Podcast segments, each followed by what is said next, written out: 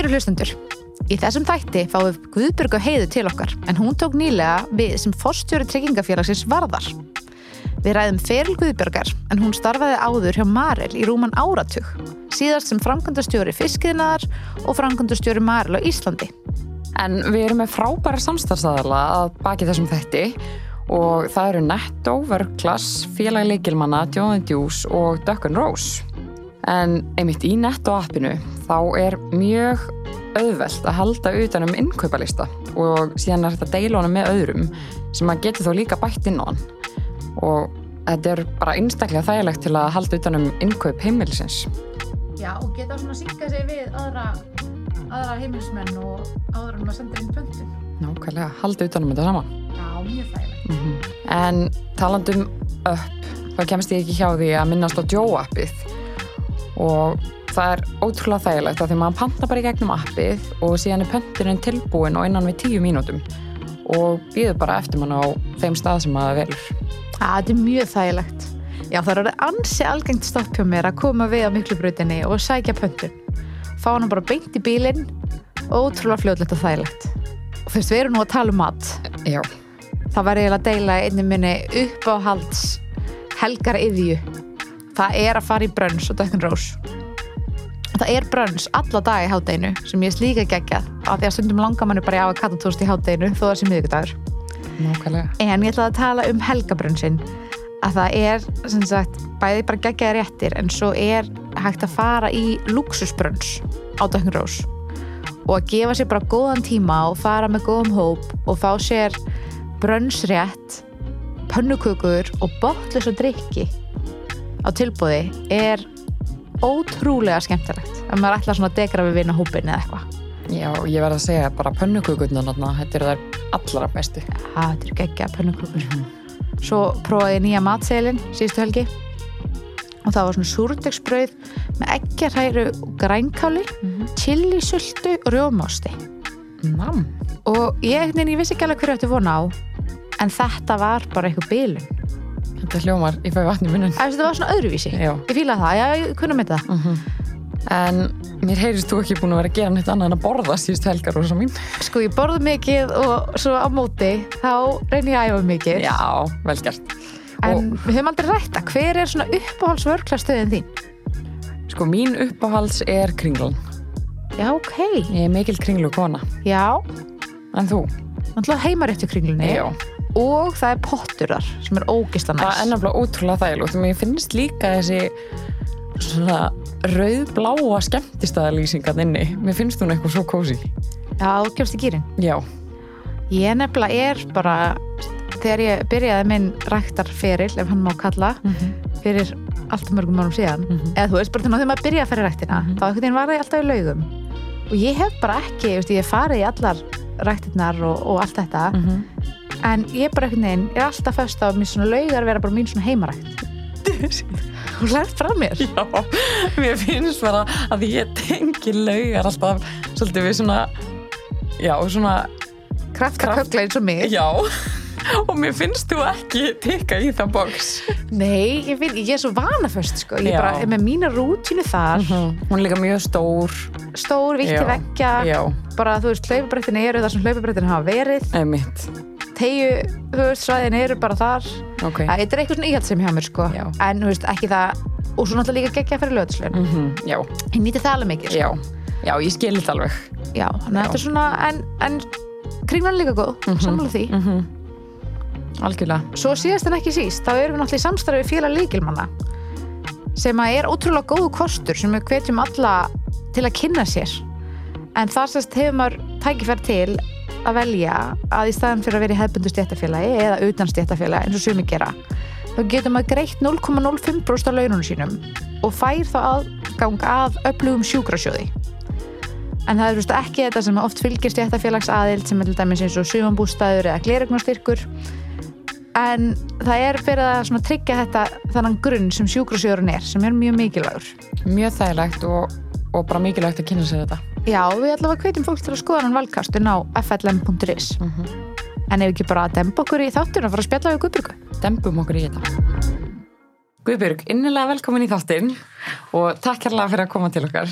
Sjálfsagt, takk fyrir að bjóða mér. Hvað hefur þú svona helst verið að sýsla upp á síðkasti? Já, einmitt, hérna upp á síðkastið, þá, hana, þá hefur lífið mitt snúst um rútinu. Það er svolítið núna, hérna, málið. Einu svona fannst mér rútina ósla óspennandi og eitthvað neina myndi ekkert gerast spennandi eða skemmtilegt í rútinu. En hérna, rútina gefur manni færi á að ná árangri. Þú veist, þá eitthvað neginn minimæsir bara, er bara fókus og september, oktober, november, það er bara geggjaði mánuði fyrir rútinu. Þannig ég er búin að sýsla við það. Já, Já. svona beint eftir frí og... og... Já, það er alltaf svona, Já. svo kemur desember með öll eins og hann er, svo nærði ágetur önnu oft í hérna janúar, februar, mars svo byrja páskarnir og svo kemur vetrafríð Já. og þessi dagur og hinn dagur og það er svona slítur frá en rútína er svo góð að þú ætlar svolítið að hámarka ákvöstuðin. Elskar rútinu sko Að það? það er hrikalega undir þetta sko þetta er bara, bara árangur er bara venjur góðar venjur Já. endur í langan tíma Já, það er nefnilega svolítið þannig og ég man að mér fannst þetta eitthvað svo glata svo þetta er nefnilega hund, alls ekki glata þetta er fullkomi, Já. Það er líka svo magna hvað maður finnur eftir gott frí, hvað maður bara getur ekki beðið eftir rútíninni. Já, já, það er svolítið þannig. Já. það fyrir allt í rugg þegar það er ekki rútína. En svona óna rútínuna þá söðlaður nýlega um Já, og fórst frá Marel til Varðar Já. hvernig er eiginlega tilfinningin að skipta um vinnustað eftir 13 ár? Já, það er hérna, það var alls konar. Þetta er í rauninni uh, rosa ferli. Þú veist, sálinn einhvern veginn er að, er að veist, ef ef var eitt sem sagði um daginn sko skiptum vinni er og svo svona eigingjart þá setur allt í sjálfan þig í fyrsta sæti. Bara vana, í vinninu alltaf maður með fullt af fólki sem maður elskar og er að gera alls konar verkefni og maður er svo skuldbundinni. Þannig að allt í standi upp og segja, ég ætla bara að gera eitthvað annað. Það er alveg svona sérstakt ferli. Og um, og þá þarf maður eiginlega að horfa á svona líf, lífið sitt. Það má eiginlega ekki skipta vinnu bara svona út af því. Maður þarf alveg að hugsa, byrju, hvað brenn ég fyrir? Hvað er sem er skemmtilegt að gera? Hvernig vil ég haga lífinu mínu, þá ættu að taka ákvörðun en þú veist, ég held að staðrindir segja, eða gögn segja að hérna, flestar hætti vinninu sinna þeir eru með ömulega nefumann þú veist, þannig að hérna, þannig að ég skipta vinnu fyr- og hef búin að vera 13 ári í Marel og, og hef búin að vera um, það var eitthvað sem sagði um en daginn hérna, býttu, varst þú ekki einu svona að vinna í Marel? það var ég ekki að vinna í Marel. Hérna, þú veist, einhvern veginn bara að hafa gæst í gær.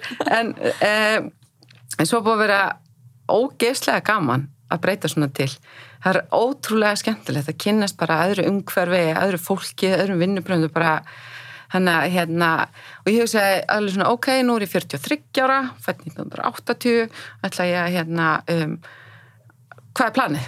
Að, veist, hvað er planið? Þannig að þetta var eitthvað neginn svona allt innu fannst mér bara rosa mikill tímapunktu fyrir mig að hérna prófa. Bara svona skipta komin tíma og breytingar. Já, bara eitthvað neginn, já, nú ætla ég að gera það. Mhm. Já, Nákvæmlega. það var hérna, var, og þetta var ótrúlega erfið ákvörðun. Ég trúi því. Já, En maður tekur líka ógeðslega mikið, allavega mínu upplifum, maður tekur ótrúlega mikið vaksta kipp. já. En maður þarf þess bara, Já. skipta svona um. Já, hún sagði það einmitt hérna, sálfræðingurum minn, hún sagði já, það er svona þegar maður er að þroskast og ég bara, þroskast? Það er það þess að þroskast en e, þegar þú breytir eitthvað svona miklu þínu, þá ertu náttúrulega þroskast í leiðinni, sko, en þetta er rosa ríka mikið tækifæri mitt að horfa svona þess á það, sko, og Já. það er að hefist eitthvað nýr kapli, sko. Það er aldrei jafn mikið eins og þegar það eru breytingar í lífum manns þegar maður Já. svona átt að segja á því bara vá hvað maður hefur gott af þessu. Já, já. Það er einhvern veginn, og allt oft eru erum við svo, talandi rútínuna þá erum við svo vön og okkur finnst breytingar óþægilegar og þær eru oft þannig að þær koma aftan að okkur, við erum ekkert alltaf í bílstursætinu þegar kemur að því að breyta þannig að það er líka gaman að geta stoppa og sagt "Hvar ég vil, hvernig vil ég hafa þetta ég ætla svolítið að reyna að stýra för sko. þannig að, já eins og, eins og hún hérna Tanja Sjarov kom í vittal til okkur um daginn Já. og hún einmitt talaði svo mikið um það hvað, hvað maður ætti eiginlega að sko sækjast í breytingarnar Já. þá, hérna, þá eru þið mestu framfæriðnar það er maður, að maður heldur að, að það tala alltaf svona þjálflega um breytingar en Já, það er já. alveg svona að reyna á mann maður er 100%. þreyttari og maður er einhvern veginn að gera upp við sjálfs konar hluti og þannig að hérna þannig að ég held að sé alveg ágætt að svona að, hérna eða breytist ekki neitt þá held ég að maður svona óvart kannski mingi heiminn sinn daldi mm -hmm. Já, og ég held það. og þá jafnvel verður maður ennþá tregara til að breyta þá mingar heimurinn ennþá meir sko þannig að hérna það er svo margt skemmtilegt þetta að gera. Og hver finnst þér að vera svona mesti munurinn sem þú fu- fundið hinga til á þessum störfum? uh, uh, sko, það er allt annað bransi. Ég var í matvalæðinaði og fer núna í, á tryggingar. Marel var, eða er náttúrulega hérna meira sko hvað sem er B2B, ég reyna að selja inn á meðan verður náttúrulega að horfa meira líka á einstaklingsmarkað. Þannig að ég kem inn í raunin úr því að vera í alþjóðlegu umhverfi á B2B inn í Íslandsmarkað á viðskiptvænumarkað, ég brjála samgefni og allt öðruvísi vöru. Það er ekki bara eitthvað hérna er skurðavel, hún sker ósa nákvæmt heldur nú bara alltaf, hérna er trygging þetta er, þetta er mikla breytingar. Já, alls, og mikill munur á milli hérna, bara markaðurinn. Og markaðurinn segir svolítið til um þá dýnamíkina og menninguna sko. Nú Já. fyrir ég bara að tala og tala og tala Nei, bara, en þetta er, þetta er eiginlega eins í rauninni ólík fyrirtæki og þau getur verið, eða svona maður pælir í því Já, í rauninni held ég. Þetta er alveg svona fáralega ólíkt, sko. Og ótrúlega skemmtilegt að, að þetta er svo ólíkt. Reksturinn og uppgjörið og útreikningar á baku rekstur og tryggingafyrirtæki. Mjög ólíkt hérna. Þannig að þetta er ótrúlega skemmtilegt.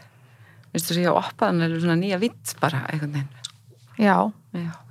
En hvað, svona, þú segir okkur bara aðeins frá, kynir kannski aðeins vörð fyrir hlustundum og svona þinni sín á fyrirtæki Já, já, bara hérna uh, sko, Vörður er frábært fyrirtæki og er núna í hérna skemmtilegum fasa sem við erum að hérna að vaksa með Arjón og, og svo erum við bara líka strangaðilegt tryggingafyrirtæki. Þú veist, við erum hérna um, og ég maður bara að bera ábyrð á því að hérna taka fólk sko hérna er náttúrulega lögbúna tryggingar, fólk verður að tryggja sig og svo velur fólk að tryggja sig og verður bara að gera mjög skemmtilega hluti á markanum og hérna og vill einhvern veginn bara halda áfram að gera það. Mér finnst það ótrúlega skemmtilegt að taka þátt í þeirri vegferð.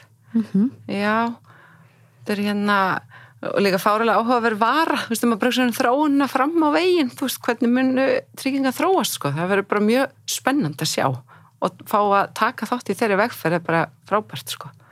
Já, maður erum náttúrulega tekið líka meira og meira eftir þessu, að þú veist, það er nákvæðin stafran vegferð og, og allt þetta, þannig að maður verður meira var oft við þetta svona í dagstælu lífi, sko. já, einmitt. Hérna, já, ég held að allavega eins og fyrir mig, fyrir nokkru mánu síðan og eins og ég bara ekki, ekki neitt um tryggingar. Ég ætla að segja raskat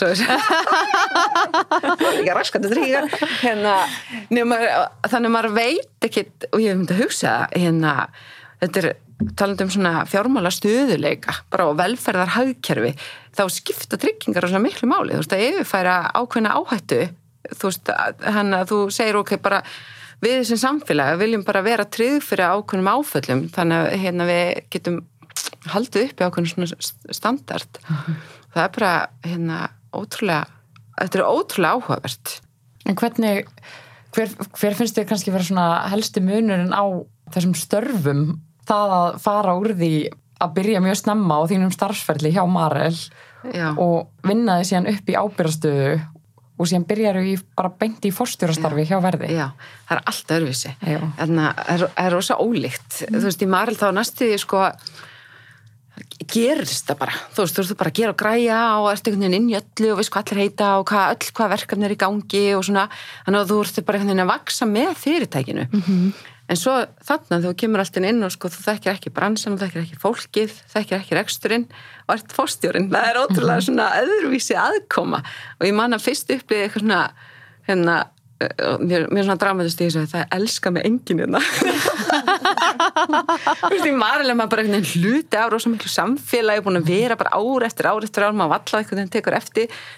Uh, Þannig að það er mjög ólíkt það sem maður þarf, uh, ég var að, le- einmitt að lesa alls konar bækur um þetta, uh, hvernig hvernig maður svona transitionar inn, inn í svona nýtt hlutverk og þá þarf maður alveg að reyna að skilja þetta alltaf vel að hva, hver er verður, hvað stendur það fyrir á hvaða vegferð er það? Og hvernig nýtast það mínir styrkleikar í það ferðalag? Mm. þú veist, að því að það er heldur ekki að koma og segja bara að það gerð svo allt svo vel inn í maril, ég bara held áfram hérna að gera græði eins og ég vön. Ég þarf alveg svolítið að hugsa býtu hvað af hverju var verið að ráða þetta starf? Hvaða vegferð er fyrirtækið á sem að er þá trú á að við í rauninni náum saman? Þannig að það er alveg ólíkt að vaksa með fyrirtækinu samanbúru við að koma svona inn í það Já, ég er ekkert vissum að gera sér allir, að þú veist, þetta er mjög heilbrygt sjónarhótt, myndi ég halda, Já, að svona, engin tveir staðir eins heldur. Nei, og mátti ekki bara einhvern veginn bara svona halda áfram. Og þetta skiptir alveg líka máli ást að vaksa að hann að hugsa býtu, hvað er starfið mitt, hvað er það sem ég á að vera að gera? Hvað, hvað skiptir máli hérna? Maður líka svona ímynda sér að vera komin í þessa stöðu hjá Marel og það eru örgulega bara margir sem eru bara já, hér er ég vel sett. Og ég Já. ætla ég að vera bara life is good. Já, já. sem, hann alltaf hver einasti dagur í maður var draumur, þetta var æðislegt. Og, og það var alveg hérna líka ótrúlega sérstakt ef það taka sér ákvörun að meta það þannig að hérna að ég fengi meira einhvern veginn út úr lífinu með því að breyta þó ég sé í svona góðu starfi. Mm -hmm. náttúrulega algjör lífskeið að geta bara se- sest niður og velt þessu fyrir sér. Já, þannig að geta það. Algjörlega. Svona á öðrum suðum í lífinu, ertu líka að leita í áskoranir? Já, já, já. Alltaf eitthvað, hérna, mér finnst um, yfirleitt bara gaman að prófa nýja hluti. Það hefur alveg fyllt mér alla tíð. Mér, mér finnst hérna um, mér finnst hérna svo gaman af því að skapa mm. og þú ert að prófa nýja hluti þá ert einhvern veginn að sjá hlutunum öðrum frá þeirri sjónarhorni þú finnir svona hérna, fyririldi í maganum, mústu gera eitthvað svona aldrei gert áður hérna, er, mér finnst það svo gaman að prófa nýja hluti til að halda einhvern veginn svona um, uppi bara um, uh, hvernig er það, maður fyrir einhvern veginn bara að vera meira skapandi mm. og, og þannig að ég er í engalinu mínu alltaf að reyna að prófa nýja hluti. Fara, ég er að fara í jólafæri núna til Thailands Ok. Já. og hérna uh, yfirleitt uh, finnur mig eitthvað staðar hérna að gera eitthvað sem ég ekki prófaði áður. Þetta er ótrúlega skemmtilegt. Loftbelgæni svona í Hollandi. Það var æðislegt, þá Vá. varum við í einhverjum margferð og var alveg geggja veður og, og, það, og þá bara, heyrðu höfðu saman til eitthvað loftbelsfyrirtæki allt inni verið bara í loftbelga eitthvað í hálfóttunum Geðvikt. Já. Svolítið skeri samt, er það ekki? Uh, jú, alveg smá, en uh, ég myndi örgulega sleppa tegist ekki samt. Ég er ekki búin að prófa það, ég myndi sleppa því. Nei. En hérna, já, þannig að það var svona svarmið. En hvað svona er, nú hefur verið frangöndastjóri hjá Marel og ert núna forstjóri varðar, hvað er svona mest krefjandi ótrúlega opin og stórspurning hvað er mest krefjandi við að vera stjórnandi Eitt er að hann að halda fókus. Þú veist, ef, þú ætlar að ná árangri, þá verður það í rauninni að halda kúrsinn. Þannig að eitt er svona að einhvern veginn halda fókus og vera svo alltaf að leggja við hlustir. Þú veist, það maður veit ekki allt. Þú verður einhvern veginn að vera að leggja við hlustir og svolítið gera því að hérna það er svona vona á ykkur alltaf Þa- þannig að maður þarf einhvern veginn svona að finna taktin hvar ætla ég að beita mér, hvar ætla ég að halda fókus? Hvar er árangurinn og hvar er bara sleppi ég í staðin þú veist, þú getur ekki verið í öllu. Það er alveg mistök sem stjórnundu gera að þeir ætla að vita allt, að skilja allt að vera í öllu og verður að velja svo ætlar að vera í og vera í því og keira það áfram. Og hérna og svo er erfitt að hérna það var svona eitt sem sagði við mig hann sagði, Guðberg, þögn stjórnanda er ærandi í þessu máli. Oft er eitthvað svona allt inni verður eitthvað svona mál sem enginn er að taka á þá sem maður, ó, heyrðu, ég þarf að gera það. Hérna, og verður, og líka að taka á þeim málum sem eru. Það er oft alveg erfitt því að hérna um, þá þarf maður einhvern veginn að vera eh, heiðalegur, maður þarf einhvern veginn að finna út um málunum, maður þarf að treysta fólk einhvern veginn komið saman og leysi málin. Og hérna, þannig að erfi, erfiðast er að halda fókus, keira stóru málin áfram og passa að vera að fara í málinn sem liggja svona milli og enginn er kannski að grípa, þú veist, að því stundum er, er allt einu svona hindranir ó, ósýnilegar sem þú þarfst að fara í fatta. Svo er markarinn að þróast ógislega hratt. Þa- þú er einhvern veginn að vera út af við horfa út af við, hvert er markarinn að fara? Býtu, hvert, hvernig passa fyrirtæki mitt inn á hana marka, hvað er fyrirtæki mitt að bjóða inn á hana marka sem skiptir máli? Okkur er ég að selja ykkur vöru eða vörður, þú veist hvað máli? Þannig að það er svolítið að hérna, eins og núna þegar tæknithrónin eins og hún er og lofstlasmáli eins og þau eru þú veist þá bara allir maður eru býtu, hvað er nákvæmlega framöndan í rekstrin alls konar framöndan Já, fullt af breytingum. Já, því af hverju verður? Af hverju, hérna, hv- hvernig kom það til að hérna, þú ferð þangað en kannski, var þetta bara mómentið eða? Þetta var alls konar. Já. þannig að maður svona vegur og metur helst um, veist, ég hugsa alveg líka hvort að maður hvort það væri áhugavert að flytja erlendis. Þú veist, ég hugsa að það geta alveg verið gaman að búa og vinna erlendis var í námi erlendis svona. Og svo fannst mér einhvern veginn sátíðanbúndur svo einhvern veginn fann ég, neða, ég er ekki að leiðin út. Og horfið á svona B2C markað, business to consumer. Það er alveg gaman að fara inn á hérna, bara inn á inn í Íslands hagkerfi. Og hérna fannst það mjög áhugavert. Svo Svo byrja maður bara að hugsa, langar mig að vera, finnst mér ferðamanna innaðurinn áhugaverður, það er orkuð innaðurinn, ég er alltaf búin að vera í nýsköpun lengi, þannig að maður svona horfir á markaðina sem eru, hvaða þróun er þar. Og svo var starfið hinnlega auglýst og þessi byttunum við, hérna bara fyrirtæki sem að, hérna með frábært eignarhald, skýra sín, vil vaksa og er á markaði sem við finnum sérstakur, sem er svona öðruvísi, mm. þannig að það varða eitthvað nefn bara svona byttunum við. Þetta er kannski eitthvað áhugavert. Mm þannig að það var svona frekar bara svo sótt ég bara heðilega um sko. Mm -hmm. og það var bara hendið djúbulegina já, þau alveg hefur hugrökk líka segja, prófum bara eitthvað svolítið svona áhefböndna ráðningu. Mm -hmm. Eitthvað mannski sem hefur enga þekkingu á lögfræðið að tryggingum en, en hérna kannski reynslu sem geti nýst inn í bransan sko já. og finnur þú til dæmis mjög náði hvernig efnahagsumhverfi hafði áhrif á, þú veist eins og Marel og hvernig það hefur áhrif á tryggingafélag bæði og Já. að mér finnst kannski eh, eins og í Marel þá sjáum við kannski hlutina hraðar að því við erum svo alþjóðlega mm -hmm. og sérðu bara eitthvað að vera að gerast bara eitt eitthvað svona rosa einfalt dæmi hérna COVID var komið í Kína lengur en kom til Íslands skilur þannig að maður segið að þetta er að koma mm -hmm.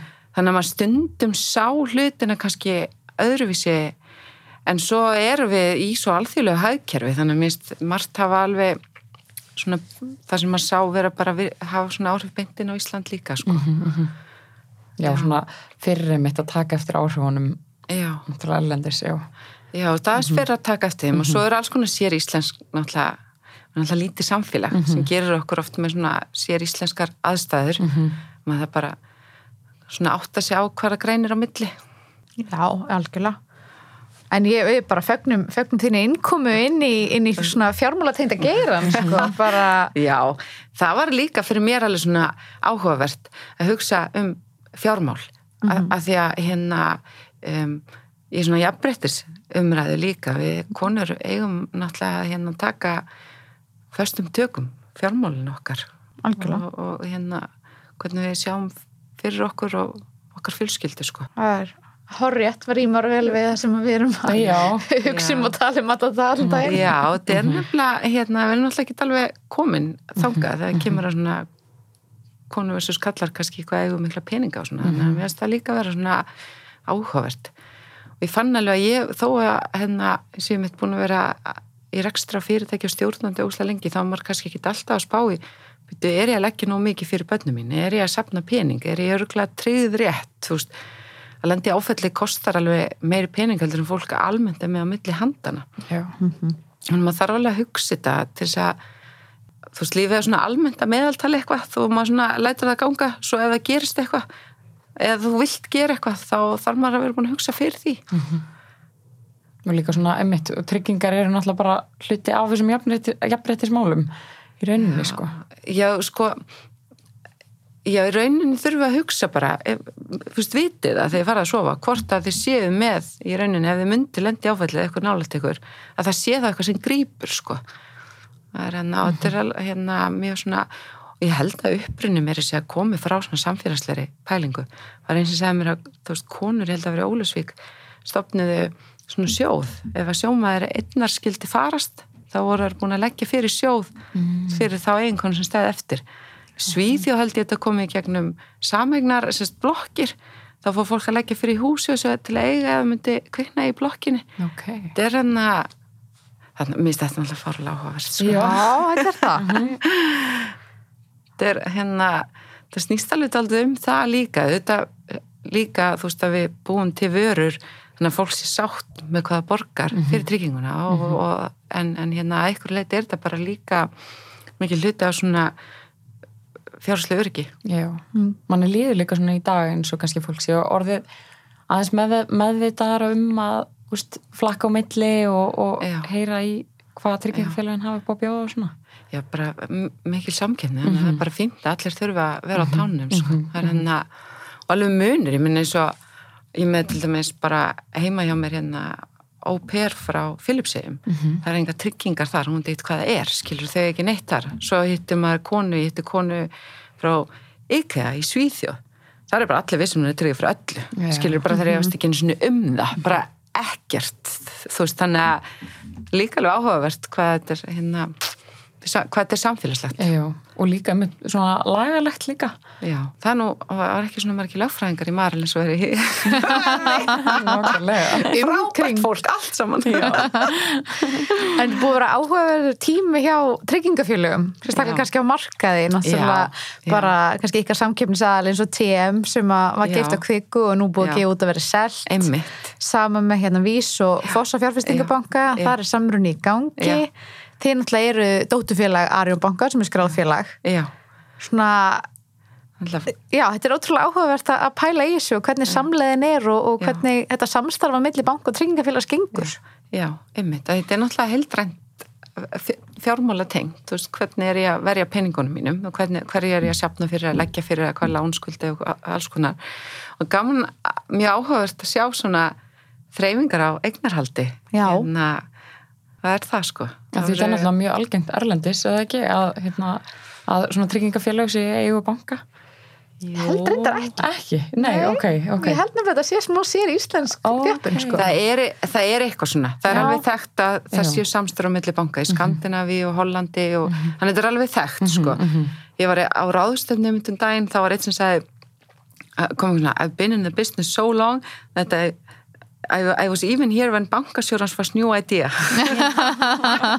Það var eitthvað svona uh, eitthvað svona evróskri ráðstöfnu þannig að það er alveg alls konar búið að vera. Svo er alltaf bara spurning hvað tímasetningar koma. Já. hvar eru samfélagin stödd, hvað er í gangi? Þú veist, hver er sinni?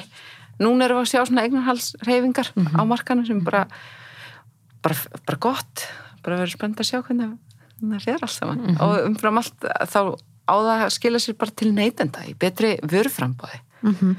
þú hérna það sé, já, betra fyrir neytendan að lokum sko. Algjörlega, við viljum öflug fyrirtæki og öfluga samkeppni. Já, ég er að sammála því Já, máli. Já. Algjörlega. Heldur að þið farið út í eitthvað svona, já, eru þið í eitthvað svona frekari vöruþróun eða, eða eru tryggingafélagin eitthvað svona breytast? Sér það fyrir þeir í framtíðin? Já, pottit, bara umræðir eins og munu jafn margir eiga bíla áfram. Þú veist, verður meira bara að fólk sé að nota bíla sem það á ekki. Hver tryggir þá bílinn? Hver er tryggður nákvæmlega í ferðinni? Hlaupahjólin e, að leia húsnæði frekar en að hérna eiga það. Veist, ég held að vera alveg svona e, þróun með nýri kynslu núna sem að kannski horfir á hlutinu öðruvísi. Þú veist, áður fyrir að var öruglega bara ekkert mál að fá lóð og byggja hús skilja og núna er það bara miklu meira mál þannig að fólk fyrir það kannski að höra- horfa öðruvísi á hvernig það vill lifa. Þannig ég held að vera fullt af framþróun í því.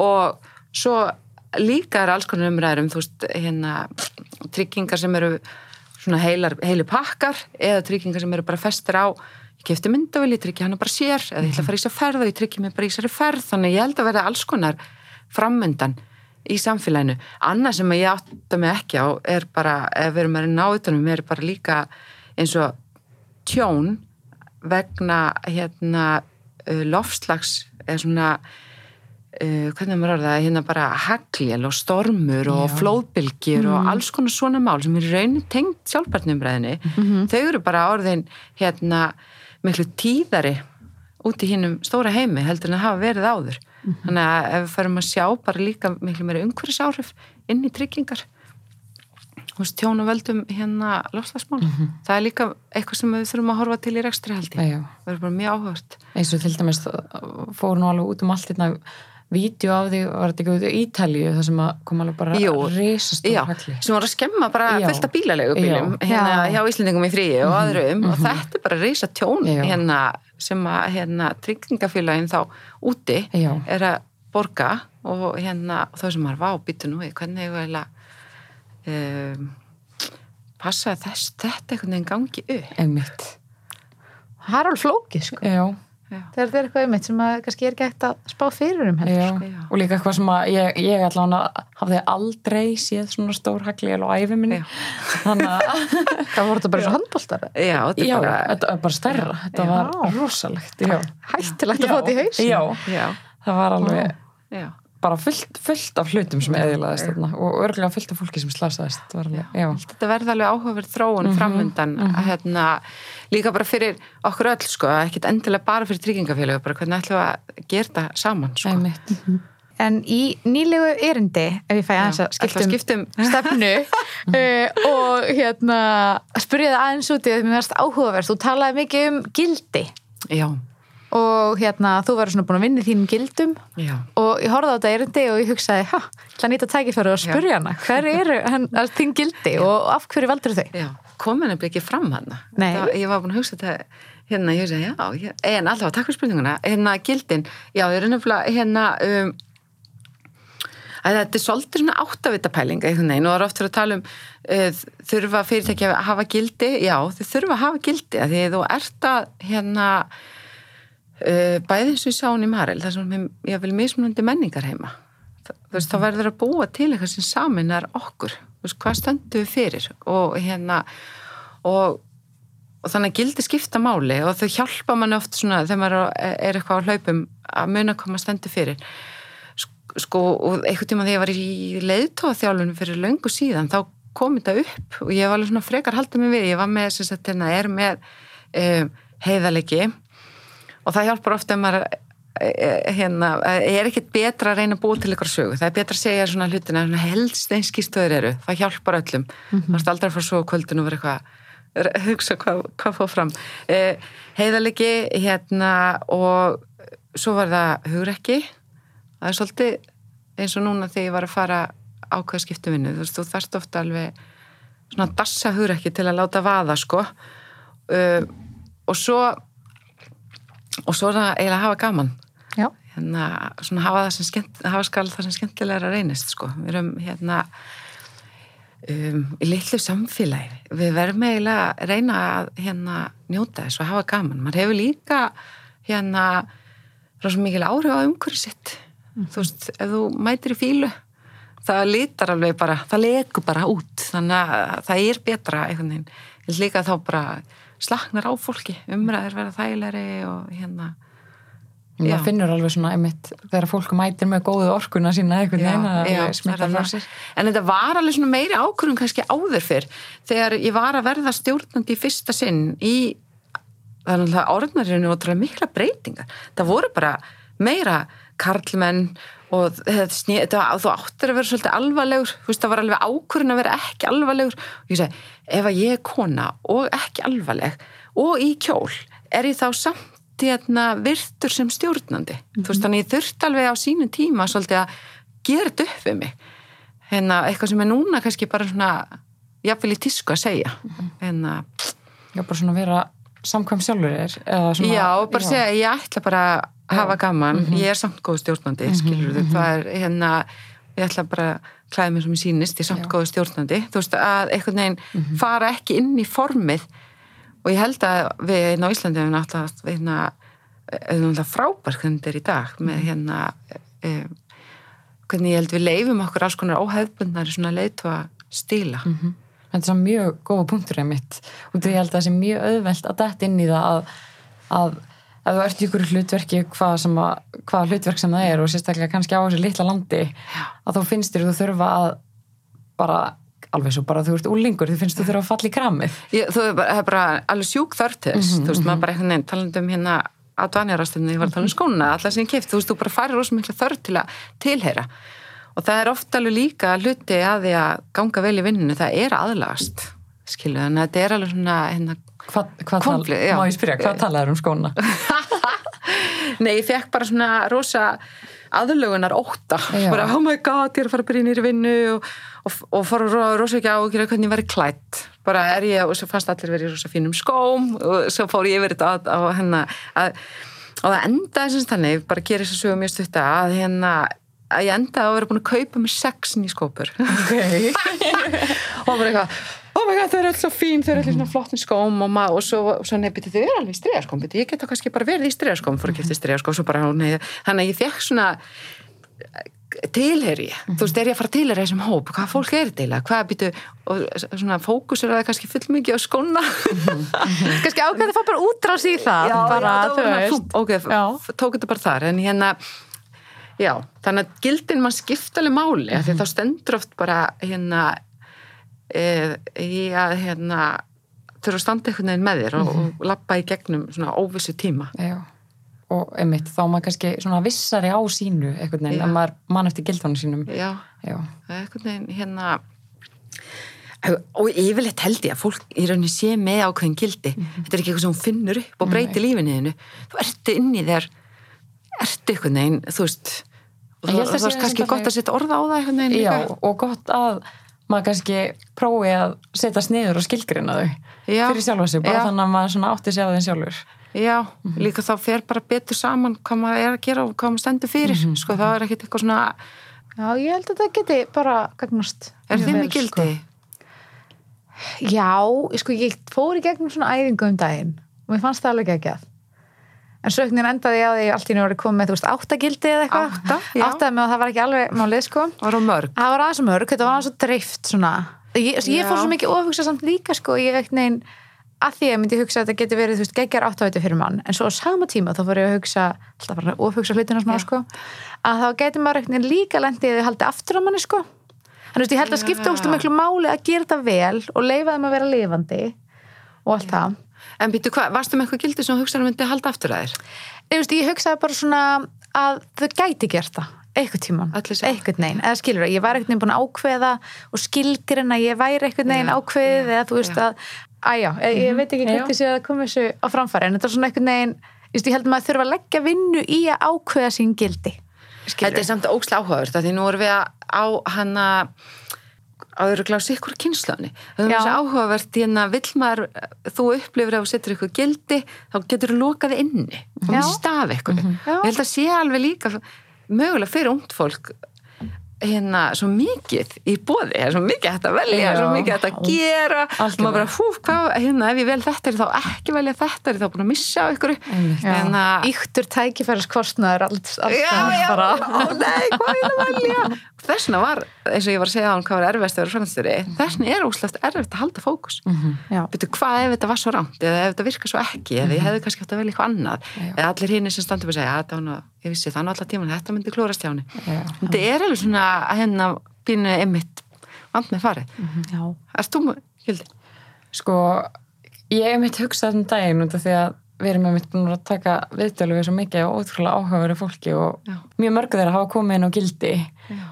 og einmitt, ég var rosa fram að ræða þetta á þann að, að það er svona eins og þetta sé finnst manni orðið kannski algengara að fólk sé með sín gildi og viti svona, já, ég stend fyrir þetta og, og þess að það er og ég svona áttaði með mitt á því um daginn, bara vá, ég hef aldrei sest niður með sjálfur mér og bara þetta er mín gildi.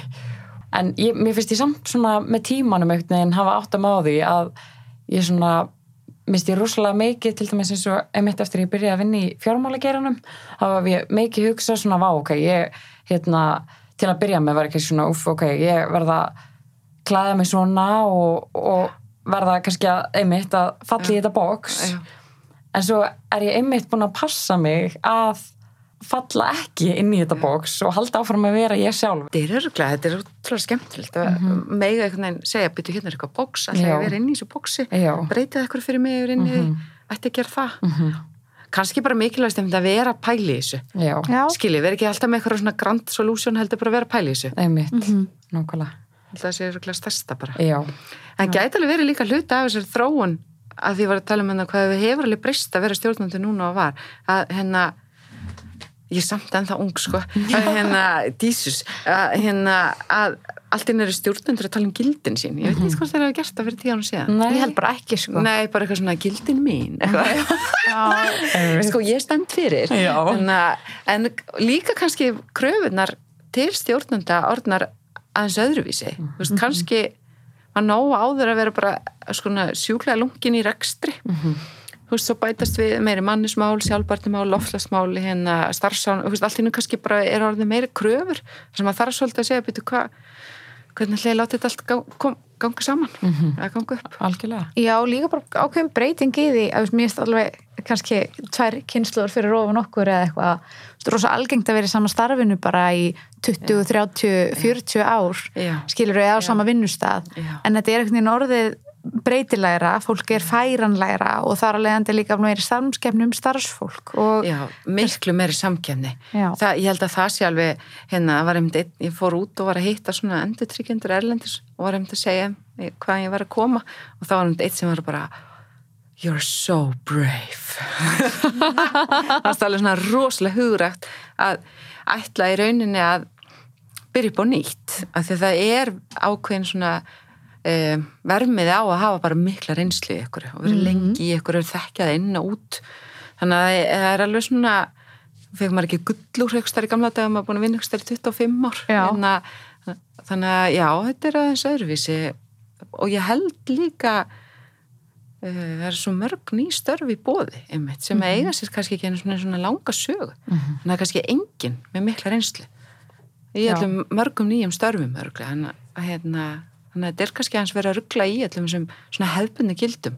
Já, um hvað telst að vera góðu starfsmæður það var mjög áhugavert og þú talar um um það er enginn er mikla reynslu sérst, Ármann Þorvald, Já. bankstjóri Kauku kom um daginu viðtal og hann er mitt, við spurðum hann úti hvort að það hafi ekki kannski verið veist, erfitt að vera svona ungur og komin í svona ábyrgum mikla stöðu með litla reynslu en heima, en hann sagði, þú veist, með að við hvernig þróunum á fjármálamarkaði var þá þá var hann bara með reynslu mestu mönnum þó hann var svona ungur, af því að markarinn var svo ungur Það er nefnilega, hérna,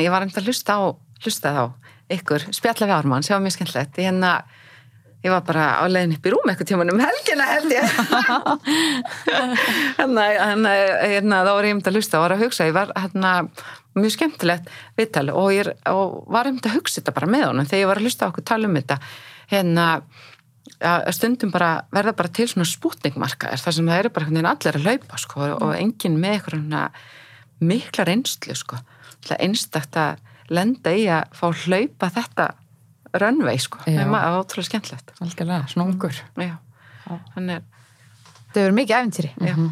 já, ég er hérna rétt yngri en hann held ég. Þannig að ég var svona aðeins, ég mista aðeins af þessu. Ég var rétt að koma út á vinnumarkaðin þegar eða sérst ég útskrifast úr verkfræðinni hérna uh, 2007 held ég. Já, þannig að þetta er bara að alltaf að svona fjandast til þegar Já, ég er að koma inn. Og útskrifast inn í hrunið. Já, já, meðan aðri svona útskrifast bara inn í uppgangin sko. það, það er líka áhugast hvað tímasetningar marka kannski reynslunum hans. Já, hvernig þú ert inn í hagkerfinu á hvað aldrei og svona. Já, og það er mitt líka að tala um sko að í tengslu við fjárfestingar þitt viðhorti fjárfestinga og þín áhættu sækni eða, eða ekki. Vilji, já, Já, þín áhættu vilji. Miðast rosa mikið við hver ákvað tímambil þú ólst upp. Já. hvernig var umræðin í fjölmjölum og samfélaginu? Og á þínu heimili sko bara hvernig var umræðin í samfélaginu á þínum uppvakstar árum og það eru bara svona árgangar sem að taka sambarlar ákvarðanir eftir því hvað var í gangi á þeirra mótunar árum Ég held, að, ég, held að, ég held að sé nefnilega algjörlega rétt, ég held að fólk haldi ofta að sé eitthvað sérstakt sko, en það var bara í þessu umhverfi og grípur náttúrulega svolítið umhverfi sitt og hérna talandum í náðan að, að konur taki ábyrð á sínum fjármálum og svona, þannig að um, við þurfum alveg að hugsa það, þú veist, hvað kynnslað eru þið, hvað ólstu uppi, hvað tækifæri finnst ykkur þið hafa? Og hann að um, hvað, hvað er hlutverk þessa kynnslaðar sem eru að koma núna? Það er alveg áhugavert og mun móta, markaðin og fyrirtækin og, og neytenda venjurnar og allt það. Já, af því að við fengum alveg líka eins og fyrir mig, ég fæ alveg svona hvernig, eins og kynnslóðan á undan mér bara eins og Ingibjörg Solon Gísladóttir og, og hérna og Jóna Sigurðardóttir er bara eitthvað svona rosalega sterkar konur sem bara hérna fóru bara eitthvað neginn út og maður kom eitthvað neginn á eftir þeim bara ok, ég er að koma. Þú veist, svo komið þið núna og þá veist þið, býtu, hvað hvað er ykkar svona, þú veist, hvað verður ykkar framlag? Eða, hlu- eða þú veist, hvernig mun það spilast bara? Já, En við tölum að þessum kynnslóðabil og þá langar við myndi kannski að spyrja því að eh, höfum heyrti tjá því við tölum um sem sagt mikilvæg þess að vera með góðan mentor. Já, Hver er svona þín reynsla af því?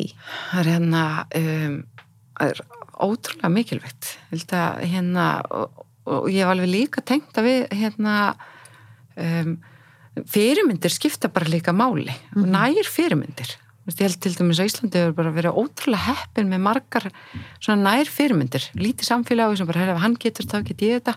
Þannig að, og ég hef leitað til mentora og hef alltaf fengið bara, hérna í raunum myndi mæla með að fólk hérna hugsi svolítið um þetta. Þú veist, þess að eru að hugsa núna hérna, ok, þú veist, hva, við hvað vil ég vinna, hvað finnst mér skemmtilegt, hvað störfur í bóði, býta eitthvað mannskja sem ég lít upp til, sem er að gera það sama, sem er að svo undan mér, þú veist, að fá bara ráðleggingar. Bara hjálpar þú svo mikið að fá ráðleggingar. Og hérna geta átt svona eitthvað trúnaði samtal við mannskja sem ræðum henni held. Það er ótrúlega hérna verðmætt. Og er eitthvað svona manneskja sem að íslensku viðskiptalífi sem að þú lítur upp til? Sterklega? Já, sko, þá náttúrulega get ég aldrei annað en talað um eins og til dæmis hérna hann Hilmar Veigar, já, CCP, hann bara reyndist mér alveg svakalega vel. Alveg svakalega vel hérna, og hjálpaði mér bara helling þegar ég er að stiga mín fyrstu skref sem stjórnandi. Bara hérna, alltaf litið upp til hans. Og nú náttúrulega var stórkostlegt að vera í uppgangstímanum í Marel hérna með átnátt sem algjöran hann að bara jörðin er ekki nóg stór sko það er svo ótrúlega hérna gaman að vinna með fólki sem hugsa stórt og þórir og hérna hérna, já, það er komið svona fyrst í hugan sko. Og svo er alveg hægt að gera alls konar aðra hluti líka. Þú veist, það er hægt að vera á námskeiðum og það er hægt að eiga góðan yfirmann og það er hægt að gera alls konar hluti. En maður þarf alveg svolítið að velta því fyrir sér. Er ég að vaksa, er ég að dapna, er ég, er ég að gera sem ég ætlaði að vera að gera? En það er með þetta emitt reynslu og þá mistökum annara ef maður, ef maður virkilega hlustar. Já, já maður eðnast það eitthvað neginn að heyra það Já. á réttum tíma. Mm Að því ofta eitthvað neginn bara gusast allt áfram en maður næri eitthvað neginn að segja, betur, hvað er þessi mannski sé? Áta við mig, já, kingur þetta upp. Það er ótrúlega, hérna, getur verið mjög verðmætt. Þú svona í þessu sammingi, hver eru bestu ráð sem þú hefur fengið sem stjórnandi? Eða svona eitthvað góð ráð sem þú hefur fengið Já. í stjórnandar hlutverki? Já, hérna sko, eitt, eitt var hérna, fókus, fókus, fókus, fókus, fókus. bara, hérna annað er um, fó, að því fókus hjálpar svo mikið við að fá fólki með þér við, við að ná fram slagkrafti, þú veist, ná fram heldinni ná fram sögunni. Og uh, annað ráð er hérna að skilja styrkleikana mína, bara þú veist, bara skilur styrkleikana sem þú hefur og hvernig ert að nota það og hvað ætlar að gera við það þú veist, ekki vera að hugsa um allt sem þú getur ekki eða allt sem það heldur bara hvað styrklega erstu með og hvernig ætlar að nota þá. Og svo var líka eitt svona því svona aðeins hugst tilbaka líka hérna að um, að stilla hlutunum upp þannig að þú hérna eins og þú ert orðin stjórnandi þá er þér falin ákveðin ábyrð og það þarftu svolítið að hugsa okkur hvernig teki þá, þá ábyrð og setja atbyrðar á svona einhvern veginn þannig að hérna, það gangi upp það er oft hérna, gengur oft á miklu sko, þannig að maður þarf alveg svolítið að vera vissum að maður hérna bara, það far saman einhvern veginn, það sem maður ætlaði að gera og það sem maður var ráðum til að gera Ertu dugleg svona að, að sinna þessum áhugamálum og svona einhverju utanvinnu? um, kannski skipti ég að aðeins um vinnu til þess að hafa meir tíma fyrir það mm -hmm. fer ég hérna í minni ferðalög til dæmis. Þá, þá nærðu meiri tíma ástu ekki einhvern veginn búin að nýta alla pössun sem þú átt í vinnutengt ferðalög þá ferður kannski meiri tíma hérna heima. Þannig að hérna er ég já, ég er sko um, ég vil helst nota tíma minn með stelpunum mínum. Já, ég var að lesa eitthvað um daginn eitthvað svona Instagram er alltaf að reyna að kenna mér eitthvað. Er það líka að kenna ykkur eitthvað? Já, fullt, fullt. Svo að maður einu sinni lækar eitthvað þá bara vill Instagram kenna mér bara það. En að, að, að hvar var ég að lesa? Að 70% af tímanum sem það átt með bönniðinum er búin þegar þau eru 12 ára. Já, það er sjokkarandi staðarind. Já, þannig að maður er bara, ég hef ekkert betra að gera en að vera með bönnunum mín. Mm basically hef ég bara ekkert betra að gera. Af því að hérna þú veist, ef maður svona gerir ráð fyrir að lifa bara svona meðal lífsaldri, sko. Þannig að ég er rauninni reyna að vera með þeim eins mikið og ég get. Og það er líka ókslega skemmtilegt. Og svo gaman að elska þær. Og, og, einhvern veginn, og það er elska þú veist, það er svo ótrúlega skemmtilegt. Svo er hérna e, e, vinirnir. Og svo það maður að, að ég, ég held að vera í miðju kóið eitthvað sem að hérna ég var komið alveg nóg að einn reyfingaleysi þá mitt fór ég að reyfa mig, fór út að hlaupa já, Þannig að þetta kannski einmitt svona uppfyllir svolítið gildið þetta að hafa gaman. já, Já. þetta er svona pínu rútína líka. Þú bara, þú átt að vera með börnunum nei, ekki átt, lífsgæðin mín að meðaltali eru bara mjög mikil. Ef mér líði vel í vinnunni, er með börnunum mínum fyrir út að hlaupa, að koma, þá bara gengur þetta upp. Já. svo reynir maður svona að bræða út af vananum þegar maður getur. Og hérna já, en ég er ekki, ég er alltaf að sjá fyrir mér sittna, núna til dæmis í tryggingum Já. eða fjármála heiminum, þá er búið að spyrja mig svona 7000 sinnum hvort ég spili golf. Og það er bara, nei ég spila ekki golf.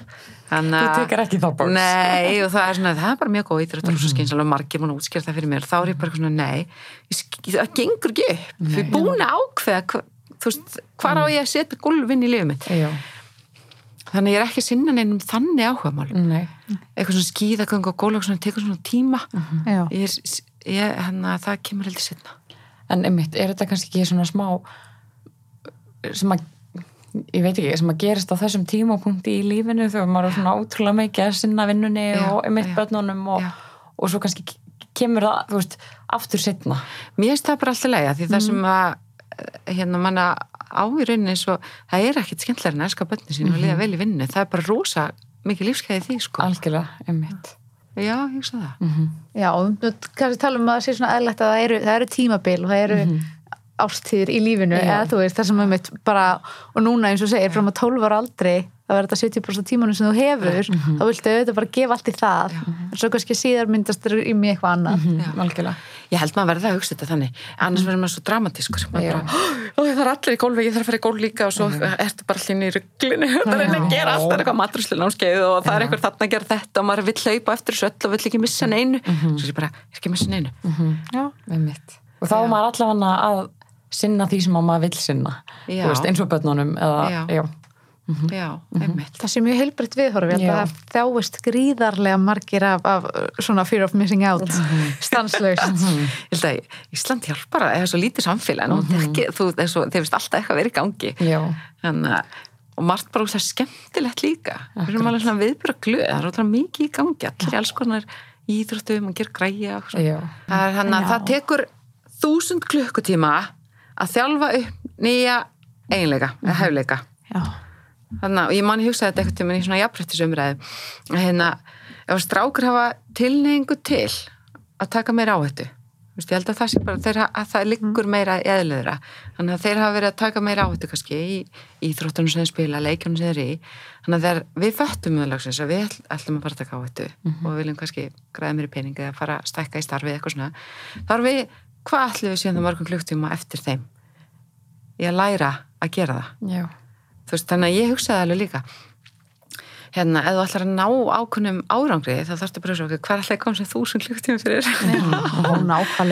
Og, og annað til dæmis ég var að tala við eina, einan daginn a- sem er hérna emitt frá Philipsin og hún var að segja þar er engin skipulög íþróttastarfsemi. Þannig að þar hafa í rauninni börnin þegar þau koma á fullanöldur ekki æft neitt. Skipulega. Þannig sem hugsa ykkur gæfina fyrir okkur að við getum vera með börnin okkar að skipulega þjálfa þau í að spila íþróttir, í að gera tónlist í, þannig að þegar þau koma inn á úlingsárin, þá eru þau kannski þegar búið með sína þúsund klukkutíma í að ná færni í ykkur sem getur bara verið með eins og alla lífsleðina ótrúlega spenndi Vá, það er ótrúlega merkilegt. Já, bara ekki pælt í nú ég þessu. komin Nei. Nei, nei, þetta er ótrúlega áhuga já, Vissulega, þú veist, þessi 900 klukkutímar sem ég á eftir í golfinu, þetta er yfir þyrmandi en, en áfram gakk áfram gakk hérna, já, já, já, já. já, já, já, nei, nei, svo verður maður bara maður verður að hafa húma fyrir þessu líka. Bara, maður verður ekki og það er eins bara með hlaupinu og allt. Maður er ekki geggjaður í fyrsta skipti sem maður fyrir að Nei, hlaupa svo sko. ekki, sko en það er spurning hvort við fáum að spurja aðeins um hérna, svona ráður aðtunulífinu við höfum, við vorum alltaf með svona lið inn á Instagram og, og ætlum að reyna að endur veikjan aftur. En það eru bara, bara svona ótrúlega innfaldar bara svona fjármálaráð spurningar.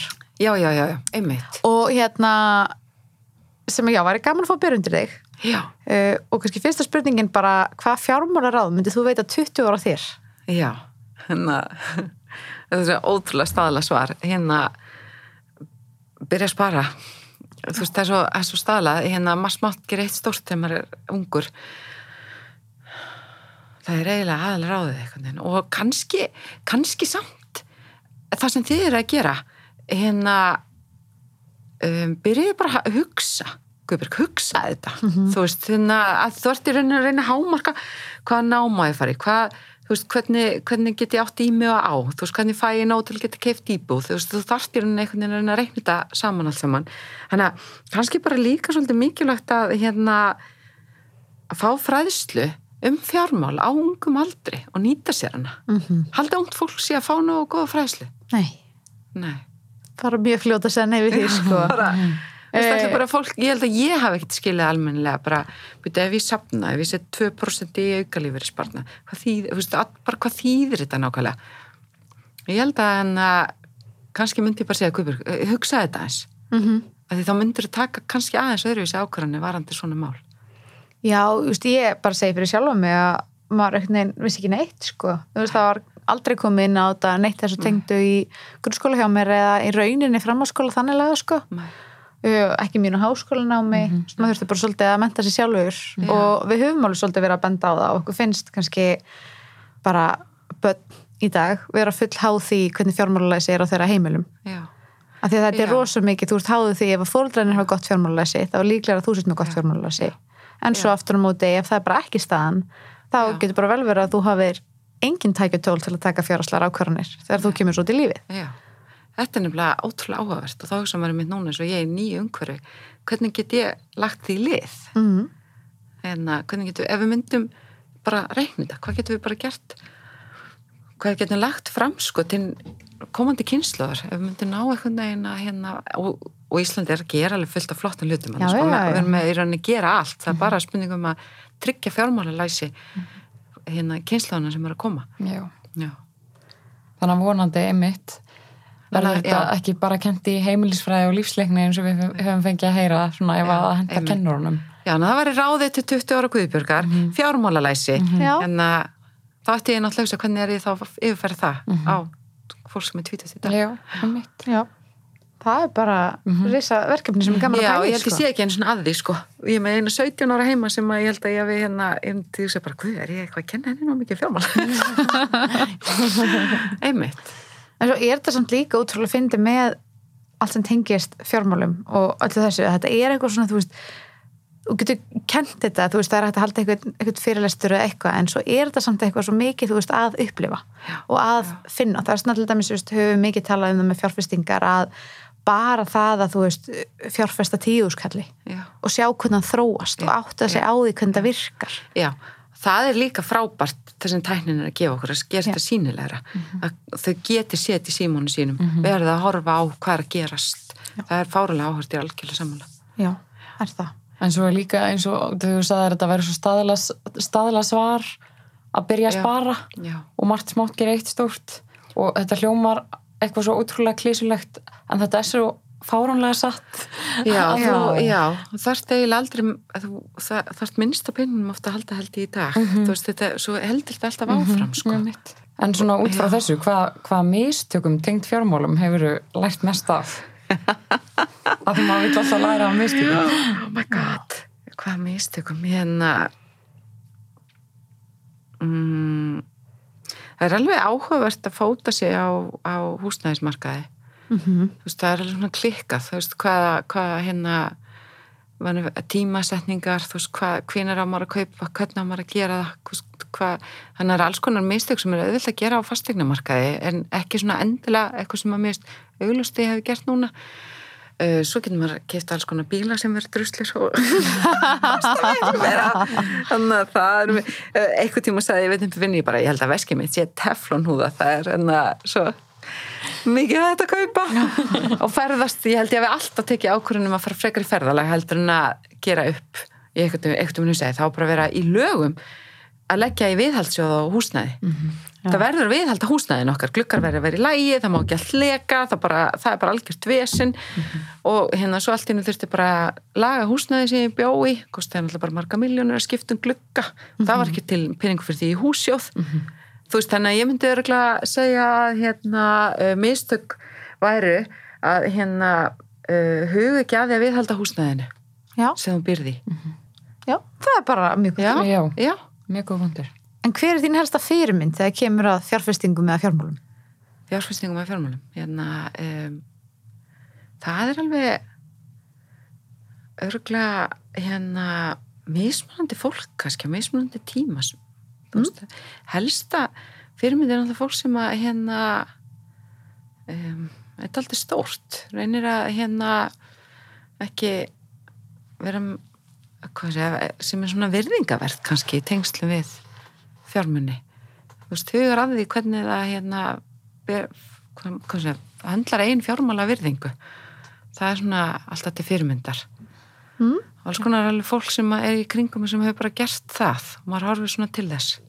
Þá bara með virðingu fyrir sínum fjármunum og hvernig það kemur svona við á Já, þú veist, þetta er hérna uh, um, hérna áhugast, ég er búin að tala um fyrir hönd Marel nýsköpun í 13 ár. Og nýsköpun er bara svona wow!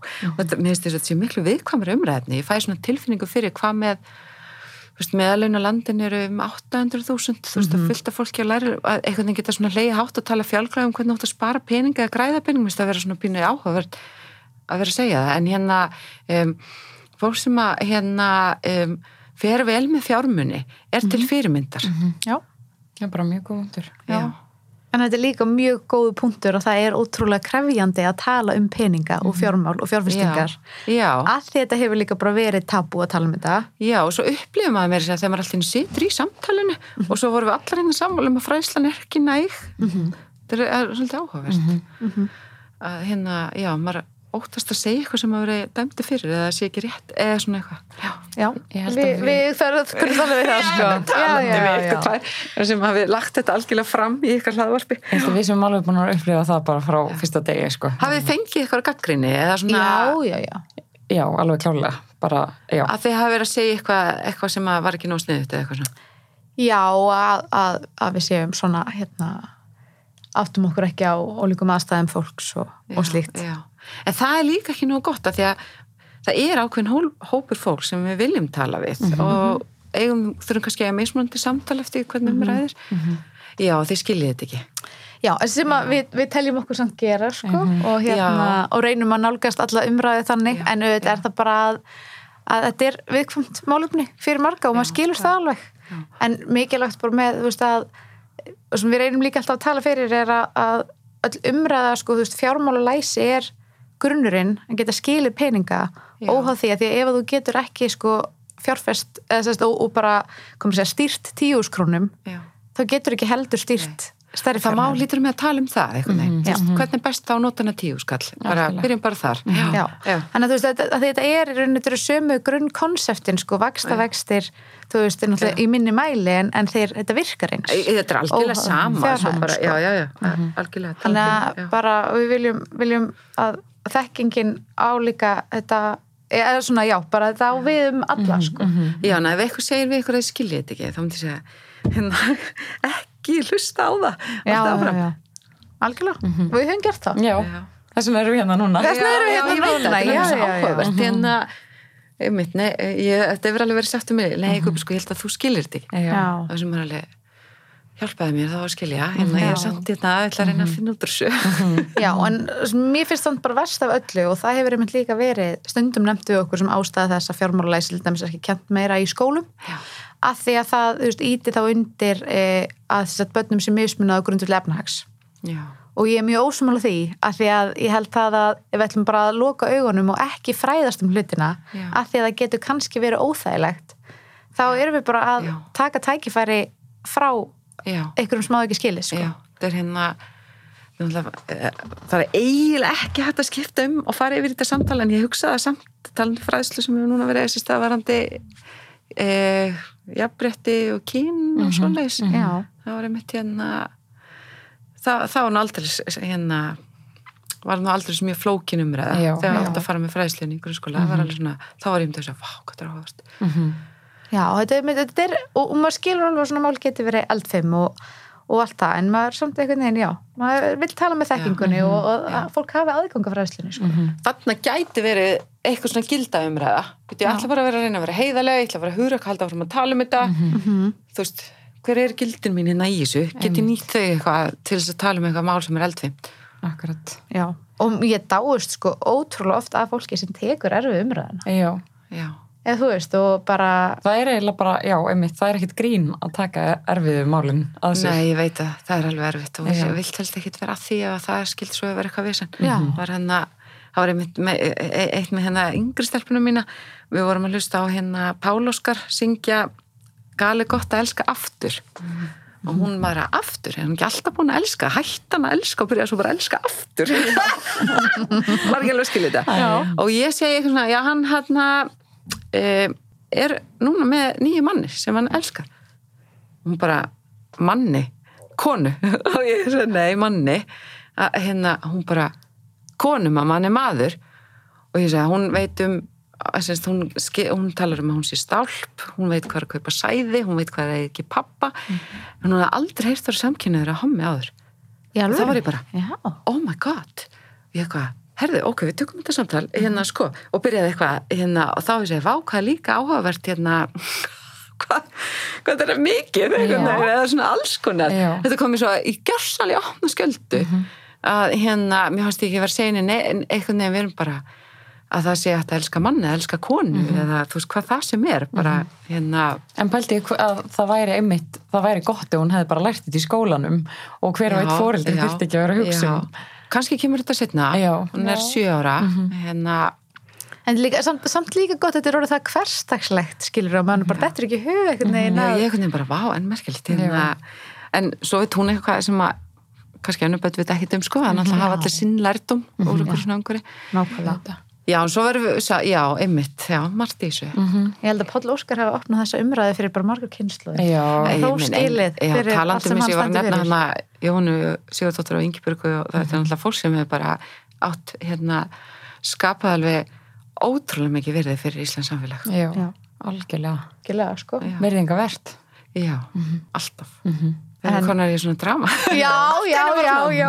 Við fórum úr um þetta, við dráðum í atvinnlífunni í mjög, sko, sko. Já, þetta var svo hérna, ég bara var, e, já, einmitt, hérna, hvað segið þið, viljið meiri ráð frá mér? Herðu, það er ein spurninga enn. Uh, hvort það sé eitthvað bók um svona tengd kannski fjárfestingum eða eitthvað slíkt sem að hefur haft áhrif á þig. Eða fjármálum. Eða þú mæli með. Já, sko, já, hérna, sko, aðalega kannski meira viðskiptabækur, heldur en eitthvað svona beint fjármála það er tengdar. það er. Já, einmitt, þannig að, sko, uh, mér finnst ótrúlega gaman að lesa bækur sem að, hérna, það sem að Um, fólk er að segja sjálft frá vegferðinni sinni eins og hún hérna um, svo sem var hérna fórstöru PepsiCo Já, ógislega skemmtilegt Já. hérna, Indra Núi. já, Indra Núi og hérna eh, hvað heitir hún aftur sem var hérna persónulegu ráðgjafi Hillary Clinton hún skrifaði bók sem heitir hérna Both and Ok. Eh, svo var hérna A Ride of a Lifetime uh, Disney hérna, hún er náttúrulega æðisleg. Eh, tala um hefur ekki talað um aðra bók sem við kynntist ég hef lesið þessa bók svona, svona grínast? sinni með eitthvað. Ég held að ég myndi aldrei bara fá meira starstruck heldur en að ég myndi hitta Bob Iger ég meina maðurinn kifti Star Wars af George Lucas. Hvað, gaur? Vel gert. Og þetta er svo frábær bók. Þú veist ekki hvað ég bara fæ svo gott í hjarta og nefnir hann sko, jésús Það er engin bók sem ég tengi bara jafn mikið við neina mannesku eins og þessi bókur er þetta sko. bara, já, einmitt. Hérna, hún er frábær, svo bók. Og hérna, hann er yfirleitt já, það var, uh, hann var frábær. Svo var það hún hérna já, nú við, hvað var ég með fleiri? Ég er með alls konar bækur, ég er alltaf að hlusta bækur. Mér finnst það ótrúlega, ég, eftir ég fatt að ég geti hlustað þá bara fór ég að móka inn hérna bókum, ég hlustaði á Playing to Win með hérna uh, þeir eru að fara við strategimál Playing to Win, hún er frábær bók. Hún er, ger, ger, talar ótrúlega skemmtilega um strategíu eða stefnumótun og það sem kom skemmtilega fram þar er að fólk er svo ofta að hugsa línulega svo gerum við þetta, svo gerum við þetta. Þú verður að leiða þær að hugsa upp og niður, fram og tilbaka, aðeins til hliðar. Með þú veist að mót stefnu. Getur ekki bara, svo gerum við þetta svo gerum við þetta, því þetta er ekki svona einfalt. Þannig að þeir eru svolítið mikið að tala um hvernig þú veginn leifir stefnunni að flæða svolítið og þarfst að þóra að vera grípana á milli deilda, milli eininga. Þannig, að, hann að Playing to Win var ein og hérna, svo hlustaði ég náttúrulega eins og ég segi hérna Arnold Schwarzenegger. Já. hann er bara businessmaður Já. döiðans þú veist það er bara ótrúlega gaman að hlusta á hann. Hérna og hann er að tala um markasmál hann er eiginlega bara þannig að ef, ef þú sagðir ekki frá því þá gerst það ekki. Bara sel, sel, sel, það var mjög skemmtilegt. Og svo var hann að svo hef ég lust á nokkrar eh, svona samningavirðarsbækur Já, það er hjálpa helling líka eitthvað sem stendur upp á þar? Já, eh, Negotiations eh, það, hún heitir Never Split the Difference. Já, hún er frábær. einmitt. uh, svo er ég núna búin að hlusta líka The First 90 Days. Já. það sem að hérna, uh, hvað átt að gera fyrstu 90 dagana í, í nýju starfi. Þú hefur lært fullt af því. Já, ég var alveg helling þar hérna og fullt sem að, og það er ótrúlega að fyndi líka þegar maður er að skoða svona, maður er, hérna, það er svo margir með svona skoðanir á svona CEO róli.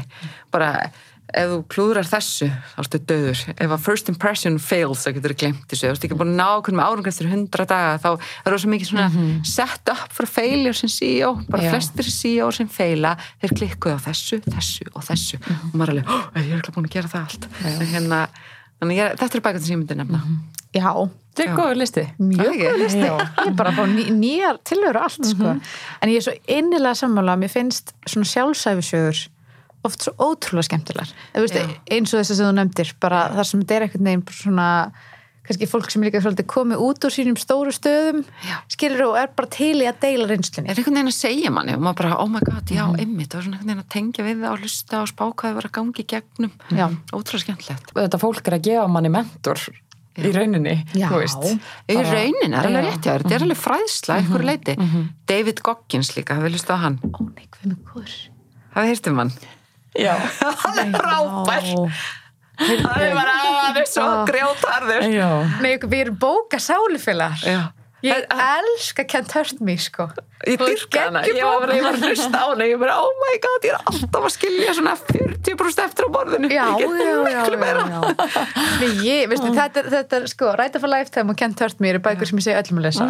Já, ég bara hérna... Hlustaður á Kent me Já, í hérna, í hlaðvarpsútgáfunni. Já, Þannig ég voru líka. að ræða ég var ótrúlega skemmtilegt. Það sést, já, er eitt Það var kapli lesin fl- flott. og Já. svo smá spjalla milli Já. þannig að maður fekk svona smá auka svona persónulegt í svona til viðbótar við bókina en herru, við erum eiginlega bara farnar að þurfa að fara að slá botnin í þetta Oh my god. þannig að við bara segjum takk kærlega fyrir komuna Þannig að takk fyrir að bjóða mér. Hlakka til hérna, hvað svo, við tökum okkur fyrir hendur í fjármála læsi. nákvæmlega, ekki?